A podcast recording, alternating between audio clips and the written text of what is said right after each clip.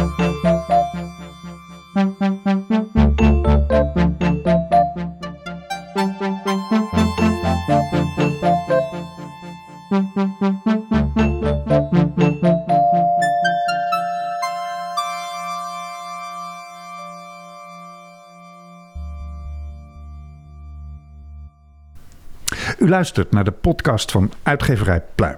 Want ook dit voorjaar gaat Uitgeverij Pluim het Nederlands boekenlandschap weer iets mooier maken. Immers daartoe is Uitgeverij Pluim op aarde. En nu heb ik drie keer Uitgeverij Pluim gezegd.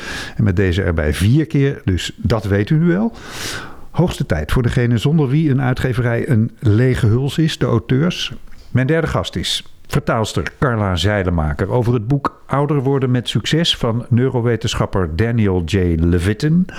Nou, ouder worden met succes. Wie wil het niet, zou ik zeggen. Carla, welkom. Ja, dank je. Dus dit boek gaat zelf ook een doorslaand succes worden natuurlijk. Is het, dat denk ik wel, ja. Je, hebt het vertaald en dus En, dus, en ik heb het ook gelezen, natuurlijk. Ja, ja um, was het een boek waarvan jij dacht... wauw, daar steek ik wat van op?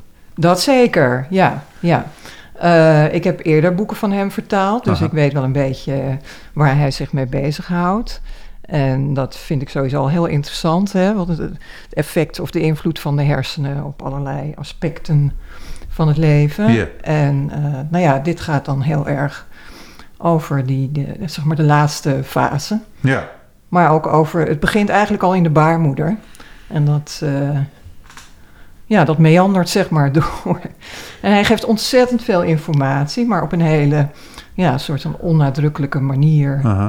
En uh, doorspekt met uh, heel veel anekdotes. Ja. ja. Laat ik beginnen met uh, de, ja, zo'n zo'n wervende tekst op de achterflap. Die luidt in dit geval: uh, Levitten biedt een nieuw perspectief op het ouder worden. met de nauwkeurigheid van een wetenschapper en de flair van een echte verteller. Er, er verschijnen natuurlijk best veel boeken over ouder worden. Wat is het nieuwe perspectief hier? Ja, nou ja, het, is, het, het, nieuwe perspectief is, ik weet niet of dat nieuw is eigenlijk hoor, maar dat hij er een hele positieve draai aan geeft. Aha. En dat je er ook best wel invloed hebt op de kwaliteit uh, van leven als je ouder bent, wordt. En hij geeft ook hele ja, concrete adviezen over uh, hè, hoe je dat kan bereiken. Mm -hmm. Ja. Wat gaat dat over? Waar gaat dat over? Over levensstijl? Of? Ja, nou ja, de dingen die je zou verwachten. Hè? Goed eten, veel bewegen. Ja. Ja. je eh, sociale contacten goed onderhouden. Eigenlijk ook, uh, hij is ook tegen pensioen. Je moet gewoon hè, blijven werken tot je erbij neervalt. Dat is eigenlijk uh, ook een beetje zijn filosofie. Ja. En dat heeft hij ook weer een beetje van de Japanse, uh, de Ikigai en de andere zelfhulpboeken hype, zeg maar. En ja, dus dat schetst En wat is het positieve? Want je zei, hij geeft er een positieve draai aan. Hij benadert het eigenlijk niet als de laatste levensfase, maar als een van de levensfasen hm. die net zo goed uh, leuk of minder leuk kan zijn als alle andere levensfasen. Voor- en nadelen heeft. Ja. Wat voor voordelen? Kan je er een paar noemen? Uh, ja, een paar hele technische. Dat je hersenen niet meer zo geneigd zijn tot uh, echte depressiviteit. Dus uh, er wordt wel gezegd hè, dat ouderen depressief worden. En uh, nee, hij bestrijdt dat eigenlijk een beetje. In ieder geval als je het echt over klinische depressie hebt. Mm -hmm. Dat komt eigenlijk niet voor, zegt hij, bij mensen boven de 70, 80. Hm. Dus dat is een, uh, een ding. Nou ja, en, en, en, en het niet meer zo nodig heel veel hoeven is natuurlijk ook... Ja.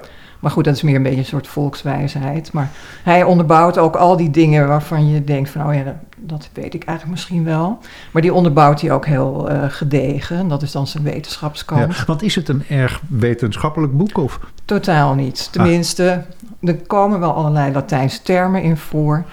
Maar die, uh, dat zijn eigenlijk meer de zijstapjes. Hij is, gewoon, hij is inderdaad gewoon een hele goede verteller. Hij neemt je bij de hand en uh, hij vertelt over zijn opa en, en over zijn collega's. En uh, hij is uh, in een, eigenlijk voordat hij neurowetenschapper werd, was hij muzikus, popmuzikant. En hij is ook producer geweest.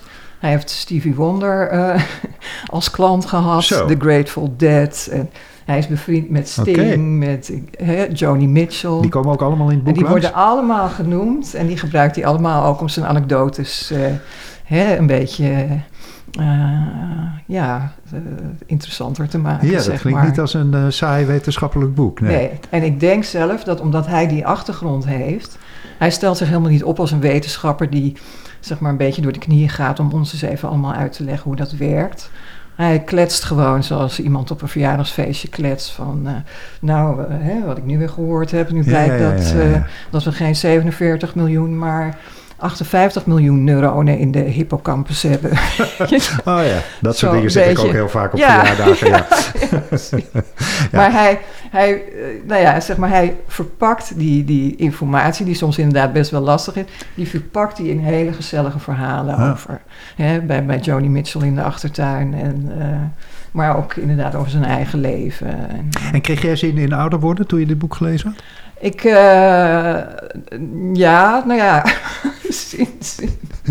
misschien kan ik me er iets beter bij neerleggen nu ik dit gelezen heb. Ja, nou ja, ik had wel inderdaad, uh, nou ja, wat ik vaker heb als ik een boek vertaal, dat ik denk van, oh, als ik klaar ben, moet ik het toch nog eens even heel goed lezen.